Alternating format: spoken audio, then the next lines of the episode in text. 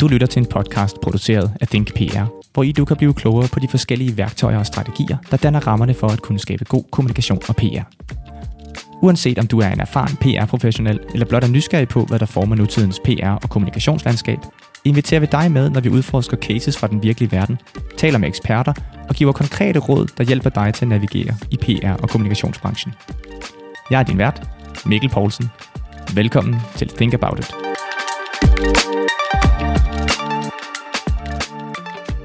Ja, velkommen til podcasten. Denne gang skal vi male lidt mere med den brede pensel og blive klogere på, hvordan medieforbruget ser ud i Danmark i dag. For nylig udkom DR's årlige rapport om medieudviklingen, og den dykker vi ned i nu. I rapporten står der lidt kægt, at et mantra blandt eksperter og medieanalytikere går på, at danskernes medievaner slet ikke udvikler sig. At vi er et forudsigeligt mediefolkefærd. Så måske, måske ikke, vil det komme som en overraskelse, at vi nu ikke længere er så begejstrede for sociale medier. Det og mere til skal vores i dag to gæster i studiet gøre os klogere på. Det er medieanalytikerne Ea Hansen og Malene Christiansen fra DR Analyse, der er en del af holdet, som står bag årets medieanalyse. De skal forklare de store overskrifter i medieudviklingen og give anbefalinger til, hvordan kommunikatører og PR-folk går til særligt sociale medier fra nu af. Velkommen til jer, Malene og Ea, og tak fordi, at I vil være med i podcasten.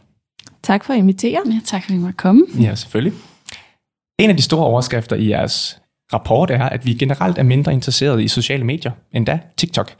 Og det ser slet ikke godt ud for Facebook. Hvordan kan det være? Ja, altså øhm, for første gang ser vi, at øh, samtlige sociale medier falder i den daglige dækning i øh, 2023. Og det betyder altså, at andelen af danskere, der dagligt er inde på sociale medier, det er faldet i, i år. Mm-hmm. Vi så de første spæde skridt i 2022, hvor at øh, øh, Facebook og Twitter, de gik tilbage. Men øh, i 2023 ser vi altså et fald på tværs af alle medierne. Vi, øh, vi fremhæver Facebook i rapporten, fordi vi ser øh, det absolut største fald der, og det er for andet år i træk og et accelererende tempo, altså vi ser det, det faldet øh, af tiltagene. Øhm, det er måske også en bevægelse, som mange kan ikke genkende til, altså øh, følelsen af, at man er sjældnere på Facebook nu end tidligere. Mm-hmm. Øhm, så derfor er det også øh, ligesom en pointe. Det er noget, vi har, har mærket og snakket om, og nu ser vi altså også mediedata på en eller anden måde følge med i, øh, i den trend, vi har, vi har haft på fornemmelsen. Mm-hmm. Øhm, ja. Måske bare sådan kort. Øh, hvor kigger I egentlig henne? Hvor findes data på de her ting? Hvor, hvor lærer man, at, øh, at vi ikke længere er på Facebook? Vi, øh, vi baserer vores, øh, vores rapport her på øh, Kantar Gallups øh, live-undersøgelse, som hvert år øh, stiller øh, spørgsmål omkring øh, brug af sociale medier ud mm. til mhm. danskerne. Og det er den rapport, vi, eller ikke den rapport, det datagrundlag, vi baserer vores rapport på. Okay. Blandt andet, ikke? Altså, mm-hmm. vi har ja. en masse forskellige datakilder, som vi trækker med ind i den her rapport. Øh, Nå, blandt ja. andet de her adspurgte tal. Mm-hmm. Og er der, nogen, er der noget af den data, som fortæller os lidt mere øh, kvalitativt om, hvorfor folk ikke bruger Facebook så meget længere? Ikke i Kantar Gallups øh, undersøgelse. Mm. Øh, Men ligger I nogle teorier til grund for det, eller er det ligesom uden for jeres øh, rækkevidde? Lige på, lige på det punkt, så øh, baserer for eksempel øh, baserer jeg nogle af de ting, som, som vi kan komme ind på senere, øh, på tidligere undersøgelser, hvor vi har øh, haft et stort ungestudie i det, der så hed DR Medieforskning for et par år siden, øh, hvor at man undersøgte unges øh, tilgang til sociale medier der. Så vi strikker jo øh, vores idéer om, hvad data betyder sammen af alle mulige forskellige former for undersøgelser, og så øh, binder vi det selvfølgelig op på, når vi også reelt kan se øh, adfærden i, i data. Øhm, men det er også derfor, jeg siger, at vi har en mavefornemmelse om, at folk mm. er mindre på Facebook, fordi vi er i kontakt med brugere, og vi læser rigtig mange forskellige rapporter og følger med i markedet. Øhm, og nu kan vi så også se, at det kommer til udtryk i den her øh, faste undersøgelse, som mm. vi baserer vores øh, sociale medier øh, på. Ja, mm-hmm. og til det vil jeg også bare tilføje, at når vi sætter os ned og laver en medieudviklingsrapport for et helt år, så er der selvfølgelig meget historie, vi skal fortælle om, hvordan er det gået i 2023, men det er også en rapport, som vi eller vores kollegaer eller vores forgængere har lavet år for år i rigtig mange år. Og det er jo selvfølgelig også vigtigt at tage det med ind i den her forståelse for, hvordan et medielandskab virker, at vi hele tiden, også ligesom ikke ser en udskiftning i danskere, altså der kommer nye danskere til, der bliver født nye danskere, der er nye, der kommer op i de år, hvor vi faktisk måler på dem. Øhm, og med nye danskere, der kommer op i den her aldersgruppe, ser vi også nye medievaner. Så når der sker nogle skvulp, det er tit, at det er de unge, der er hurtigst til at tage digitale medier til sig, så kommer der nogle efterdønninger senere. Det vil sige, at når TikTok kommer på markedet for x få antal år siden, så er det måske også nogle efterdønninger, vi ser nu for andre sociale medier. Altså, der er jo kun de her 24 timer i døgnet, så lige så snart, at medievaner udvikler sig for nogen, så kan det være, at det så senere udvikler sig også for andre. Altså, at der er visse sociale medier, som også har udkonkurreret nogle andre. Måske for nogle yngre målgrupper. Det er ikke, øh, det er selvfølgelig heller ikke mit fagområde. Jeg sidder lige når vi så taler om det. Er der rigtig dygtig til det her med sociale mhm. medier og også alle vores øh, webplatforme. Men hele sådan den generelle medieforståelse er jo også, at det er, ikke, altså det er meget øhm, forskelligt, hvordan vi bruger medier fra, fra aldersgruppe til aldersgruppe. Klart. Mm-hmm. Men så et, et medie som TikTok har jo haft ry for at være øh, de unges øh, nogenlunde nyeste øh, medie, ikke også? Og nu er vi andre så efterhånden også kommet efter dem. Men, men TikTok er heller ikke længere et socialt medie i vækst i forhold til brugen, vel? Øh, samlet set i befolkningen, så er TikTok gået tilbage med et procentpoint. Det er altså øh, mere eller mindre stabilt i sådan okay. en her. Altså øh, der, hvor, hvor vi ser øh, det interessante, det er jo, at det er blandt de unge, at øh, den daglige brug er faldet, mens at det er for os lidt ældre, øh, der er det stigende. Så derfor, når, når TikTok kun falder en lille bitte smule, så er det altså fordi, at ældre kommer til, mens yngre forlader det. Og det ligger så fuldstændig i halen af det, Malene sagde mellem, øh, med, at det er de unge, der ofte slår slår tonen an i forhold til, hvad der kommer til at ske på mediemarkedet om et par år. Mm-hmm. Og øh, så er det også ældre, der så følger, mm. følger trop et par år senere. Og det er det, vi kan se blandt andet i TikTok-brugen. Øhm, vi kan også se for eksempel, at øh, sociale medier falder på tværs. Jamen, vi har også lige haft et par år med corona, hvor vi måske også stadig taler om en stabilisering i vores mediebrug. Mm-hmm. Altså, rigtig mange brugte sociale medier i coronaårene til at holde kontakt med hinanden. Ergo har, har niveauet i de år måske ligget en lille smule kunstigt højt, og det nu er ved at finde sit leje. Så selvfølgelig også, når vi så siger, at det hele falder, jamen, der er jo hele tiden bevægelser og ting, der sker ude i samfundet. Og det var blandt andet også det, vi, vi interesserer os for, når vi så ligesom slår på de her øh, øh, jungletrummer omkring, hvad, der, hvad det er, der sker. Jamen så er, er der jo også nogle, nogle samfundsmæssige forklaringer på, hvorfor at øh, markedet udvikler sig, mm. som det gør. Øhm, vi kan for eksempel se, at, at det er de ældre, der blandt andet øh, forlader øh, Facebook, øh, er mindre dagligt på Facebook. Øhm, og i 2023 har, har ens bedsteforældre ikke være begrænset til at kunne holde kontakten med børnebørn øh, via sociale medier, og derfor mm. kan det være et helt naturligt fald i, at man har andre måder at tilgå hinanden på. Øhm, så det synes jeg også er vigtigt at have, have for øje, når det er, vi, vi snakker om, om mediebrug, og hvorfor der er stigninger eller fald. Det kan også være relateret til samfundet omkring os. Klart. Mm. Øhm, også, jeg siger, sociale medier har været enormt meget i vælten, øh, og med, altså, mediebatten har kørt på, på tech-giganterne og de unges trivsel og øh, eller mangel, mangel på samme, og mm. øh, hvordan at de her sociale medier er bidragende til, øh, øh, hvordan de unge har det. Øhm, og senest her i januar så vi, hvordan Mark Zuckerberg rejste sig op og undskyldte over for forældre. Så der er jo også en stigende bevidsthed omkring, hvad det er, de her medier kan øh, have indflydelse på vores, øh, mm. på vores mentale tilstand.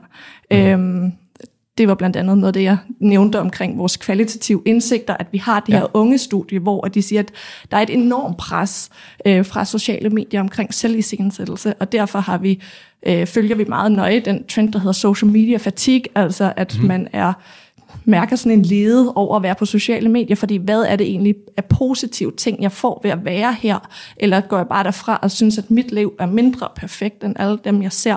Mm-hmm. Øhm, og det er jo sådan en, en tendens, vi følger meget nøje i forhold til, sådan, jamen, kan der være sammenfald mellem det og de, de bevægelser, vi ser i data, det er jo noget, vi synes er virkelig interessant at se, om vi kan se sammenkoblinger i. Mm-hmm. Øhm, jeg, jeg vil godt gribe det, du nævner øh, med den her lede ved sociale medier, fordi øh, når vi ser på dem i øh, kommunikationsprofessionelle sammenhæng, så er de jo meget anvendte kanaler og, og, og gode kanaler til at, at nå visse målgrupper. Øhm, hvordan vil du vurdere potentialet for at bruge sociale medier i sådanne professionelle sammenhænge fremover, hvis det her det er øh, en ting, der, der hænger ved nu? Altså social media fatigue.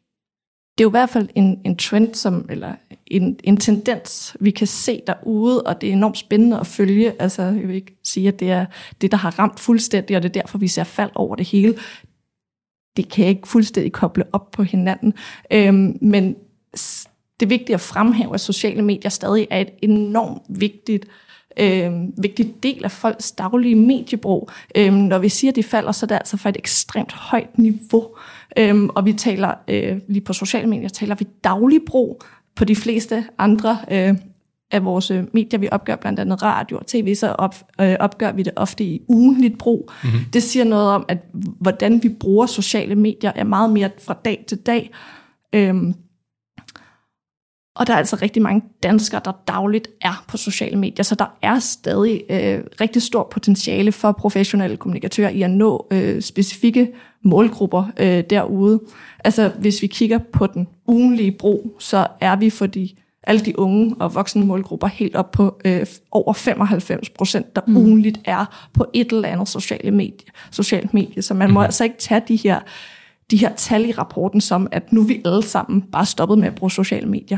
Nej. For det er altså ikke tilfældet. Øhm. Nej, og det er noget, lige for at følge op på noget af det, I siger, så et sociale medie er jo ikke nødvendigvis det samme sociale medier for nogen, som det er for nogle andre, så det er ikke fordi, vi sidder og, og undervurderer, hvor meget for eksempel en TikTok eller Instagram betyder for en målgruppe af danskerne, imens hvad Facebook også stadigvæk betyder for en anden målgruppe.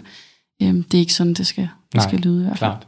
Så det er måske mere et spørgsmål om, at øh, være mere opmærksom på, at folk måske kan være lidt mættet af det indhold, der er derude.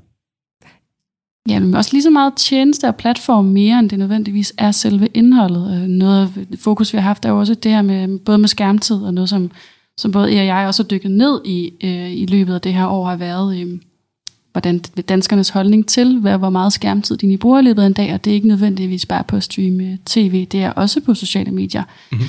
Øhm, så det er helt sikkert også noget, der kommer til udtryk, og det er ikke når nu, vi, når nu vi taler dækning, så er der jo selvfølgelig både følelsen af, at man gerne vil måske bruge mindre tid på, på øh, Facebook eller på andre sociale mm. medier. Øhm, men det er ikke for at sige, at der ikke stadigvæk er et stort marked for, for øh, kommunikatører der. Nej, Nej, klart. Og det er jo bare blevet enormt fragmenteret, fordi vi har fået så mange forskellige mm. øh, niche-medier, øh, mm. siger jeg nu i gåsøjne her, øh, hvor Facebook er et enormt bredt medie, altså vel de sociale medier svar på Omnibus-avisen, mm. øhm, og det ser vi har sådan Altså lidt... det gamle ideal om, at, at, at nyheder skulle nå til hele befolkningen. det er de sociale mediers øh, ekstrabladet. Det. altså, men så at, at, at vi ser faktisk stadig, at rigtig mange niche-medier klarer sig øh, rigtig fint. Altså Pinterest holder sit niveau mm-hmm. af daglige brugere som det eneste medie, øh, ligger stabilt på, rim, øh, på 5%, så det er ikke særlig mange, men de har altså en lille committed skare, der, der bruger det, og det synes jeg også er noget, der er vigtigt at holde sig for øjen, hvis man arbejder professionelt med sociale medier. Jamen det er, Øhm, hvad faciliterer det medie, jeg gerne vil nå, og hvilken målgruppe vil jeg gerne nå, og hvor er det så, jeg skal lægge min kommunikationsindsats, mm. og så måske til tænke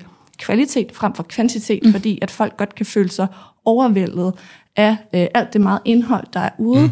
Mm. Mm. Øhm, Helt sikkert, og der er også bare værd at kommentere, at det kan godt være, at nogle af Instagrams funktioner, der er jo tit, at medier også godt kan smelte sammen, og man kan se, at der er nogen, der har en rigtig god forretningsidé, så når Instagram begynder at komme med nogle af de samme tekniske løsninger som TikTok, eller som vi i hvert fald kender fra TikTok, så er det ikke ens betydende med, at det indhold, man får tilrettelagt til Instagram en til en, også kan bruges, som det er på TikTok. Der er altså mhm. stadigvæk en anden tone of voice, øhm, medie til medie, og det er altså også noget, man stadigvæk skal, skal holde ret meget for øje. Det, det er ikke helt, øh, sige, det er ikke helt samme modtag, heller ikke helt samme måde at modtage øh, til sociale medier på, på Facebook eller Instagram, som det for eksempel er på, på, på TikTok. Klart, okay. Mm. Men så for at springe til et andet medie, øh, som til gengæld er, er en fremgang, og nu, nu kan jeg høre, at vi skal passe lidt på med at male de, de helt store fremgang og tilbagegang mm. billeder frem, men trods alt er, er podcast et medie, der øh, er blevet populært i nyere tid, men som stadig er på vej fremad, mm. øh, hvad angår lytningen. Øh, har vi ikke set det sidste til podcasten Popularitet endnu?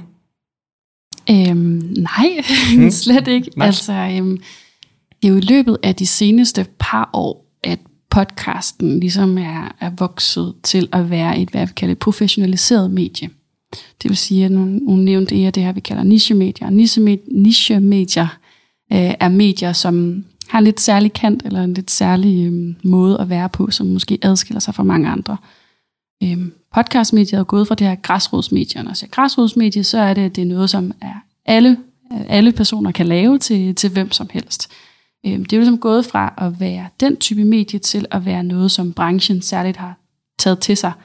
Det har så også haft en effekt på brugerne, at nu er der sådan en ret høj forventning til, hvad det et stykke indhold skal kunne tilbyde mig. Det er ikke nok bare, at indholdet er interessant. Der skal også være en ordentlig lyd. Der skal mm. være en vært, som kan bære den her rolle. Altså, det ja, skal være nu. Ja. Jamen, ja, det, ja, det er så godt. øhm, men det skal ligesom være, det skal også være tiden værd. Mm-hmm.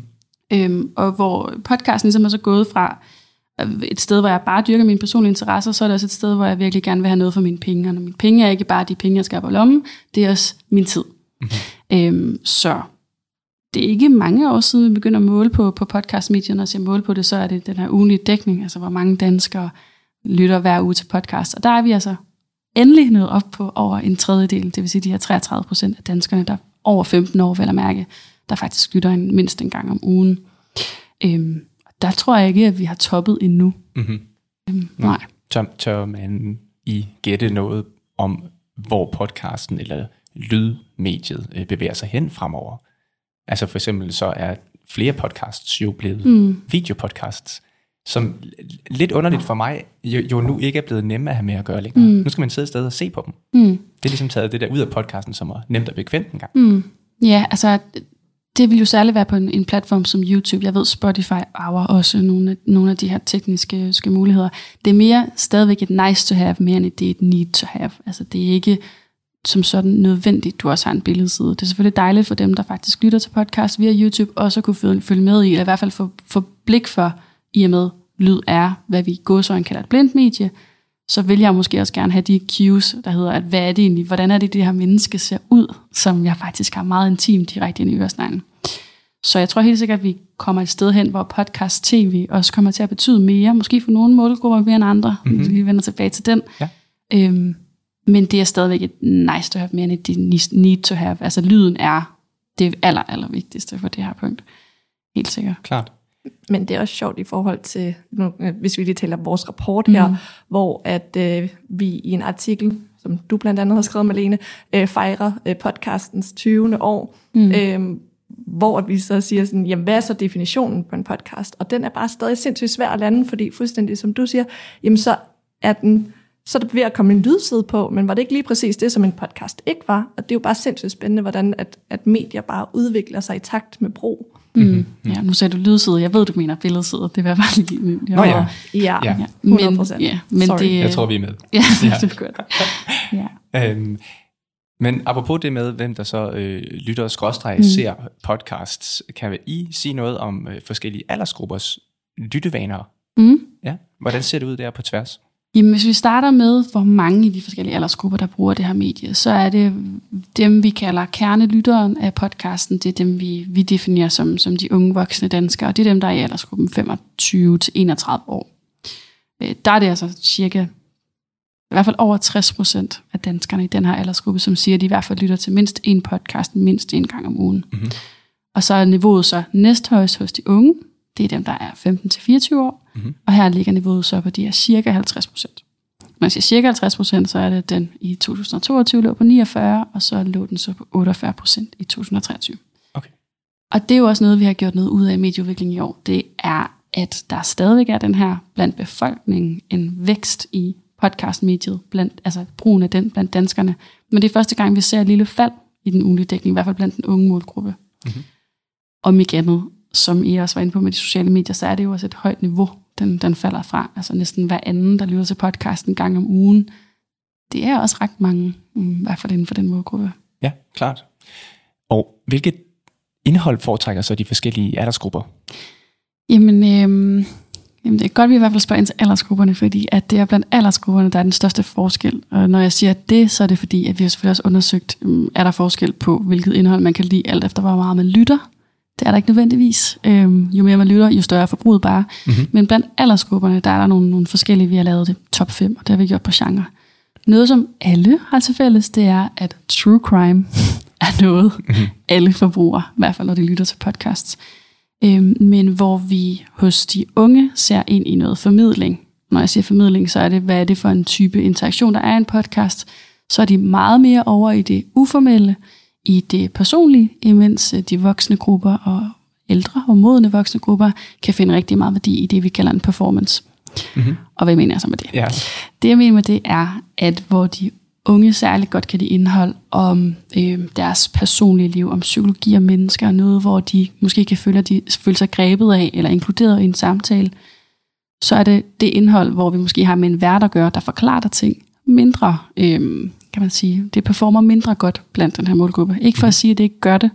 Øh, hvis vi skal tage et meget godt, hvad jeg kalder klassisk eksempel, så er det, at når vi har med øh, for eksempel True Crime Podcast at gøre, som Mørkeland, som er Bauer Media, eller det er i hvert fald dem, der, der publicerer den, og så vores egen Djævn i detaljen, som også er en rigtig stor True Crime podcast herhjemme, så øh, når de egentlig begge så rigtig langt ud, men hvor vores øh, Djævn i detaljen er, øh, har med en vært at gøre, med nogle selvfølgelig rigtig skarpe interviews i ny og næ, øh, så skiller den mere voksent og øh, op til en lidt ældre øh, målgruppe af podcastlyttere, hvor når vi har med Mørkeland at gøre, har vi virkelig med en, en podcast, der performer rigtig godt hos de unge. Mm-hmm. Øhm, og det kunne i og for sig altså rigtig meget at gøre med, hvordan det er, den her formidling ligesom bliver varetaget. Mm-hmm. Altså der er noget mere uformelt. Jeg siger ikke, at alle skal sætte sig ned og lave en podcast, som for eksempel Mørkeland. Her er mit eksempel bare, at når vi har med en uformelt samtale at gøre, så kan det være, at der i hvert fald for mange yngre også er en større følelse af at blive inkluderet i den samtale. Mm-hmm. Så det er måske den der øh, gode gammeldags objektive journalist, de unge ikke tænder så meget på, ja, som de ældre gør. Ja, men altså både og, at det, det er jo helst ikke den konklusion, jeg gerne vil lave. Det, mm. Den det, distinktion, jeg gerne vil lave, er um, mere sådan, det kan være nemmere at komme ind i en samtale blandt to, end det kan være at komme ind i en talestrøm. Mm. Øhm, og så, når vi så snakker genremæssigt, selvfølgelig true crime er jo noget, der topper alle lister, men hos de unge er de eneste, altså det, det er for de unge alene, vi kan se, at der i hvert fald er noget indhold om psykologi og mennesker, der faktisk er det andet mest lyttede for dem. Øhm, så interessen for noget, hvor man måske enten kan føle sig inkluderet, eller faktisk få lære lidt mere om sig selv, sine venskaber og sine relationer, det er nemlig også noget, der er på listen, altså podcast om mig og mine relationer, øhm, så skiller det indhold mere ungt. Med det sagt, alle øh, lyttere af podcast, alle, alle danske podcast lytter, lytter også til nyheder, de lytter også til samfund, og samfund er også en i det største genre blandt den her målgruppe. Okay. Ej, at forglemme. Øhm, det er i hvert fald også bare en, en vigtig pointe at have med, at formidling i det er i hvert fald et greb, der er rigtig vigtigt øh, at have med i sine overvejelser, når man laver indhold til de her unge. Med det sagt, altså det er jo cirka hver halve, eller hver halve, det er cirka hver anden unge dansker i alderen 15-24 år, som lytter til podcast. Mm-hmm. Og som vi fik talt om før, så er det første gang, vi ser et lille bitte fald øh, hos, hos øh, den her målgruppe i, øh, i, i hvert fald andelen, der lytter mindst en gang om ugen. Og der har vi selvfølgelig også været inde og undersøge, og det har jo så været starten af året, men der har vi været inde og undersøge, hvad er det, der er på spil hos de forskellige aldersgrupper. Og hvor det er også noget, vi har taget med medieudvikling, hvor vi har med de voksne målgrupper at gøre. Der ser vi i højere grad, at der er nogle, er nogle aldersgrupper, som faktisk føler sig overserviceret med indhold. Med overserviceret med indhold, der mener jeg, at der er flere, der mener, at de mangler tid end indhold. Hvorfor de unge er det den eneste øh, målgruppe, hvor vi, hvor vi faktisk ser, at der er en, et, i hvert fald udtryk for, at man mangler indhold nærmere, end man mangler tiden til faktisk at bruge det. Det vil sige, at der er et enormt stort potentiale hos den her målgruppe. Mm-hmm. Jeg siger ikke, at de unge ikke har indholdet at forbruge. Det kan sagtens være, at der findes alt indhold i verden til den her målgruppe, som vel at mærke er sultne. De er potente, og de er, der er et stort potentiale med dem. Der er måske også en, en stor sandhed i, at de har svært ved at finde det. Så det vil som kommunikatør også være en, en vigtig rolle, eller ikke en vigtig rolle, en vigtig opgave, mm. men man skulle overveje, hvordan er det, jeg allerbedst får formidlet til den her målgruppe, som jeg nu engang har tiltænkt mit indhold. Hvordan får jeg bedst formidlet, hvad det er, man kan høre, hvad det er for en oplevelse, mm. man bliver inviteret ind til. Og simpelthen gøre sig synlig. Ja, lige præcis. Altså, det kan, og nu har vi også talt om det her med podcast-tv. Det kan både være at have den her billedside. Øhm, ikke det, jeg siger, det er et decideret krav, men i hvert fald være rigtig skarp på, hvad er det for en tekst, jeg lægger med, hvad er det for et billede, jeg lægger ind. Altså alt skal være sigende, fordi for lyd, der er vist noget af intet sigende, så er der ikke nogen, der kommer til at vælge det. Okay, klart. Tak. Lad det være sidste ord. Tak igen, både Ea og Malene, fordi I vil være gæster i dette afsnit af Think About It. Jamen, velbekomme. Vel, tak fordi vi måtte komme. Er du interesseret i, at vi laver din podcast? Eller er du på anden måde interesseret i et samarbejde med Think PR? Så ræk ud til os på info thinkpr.dk.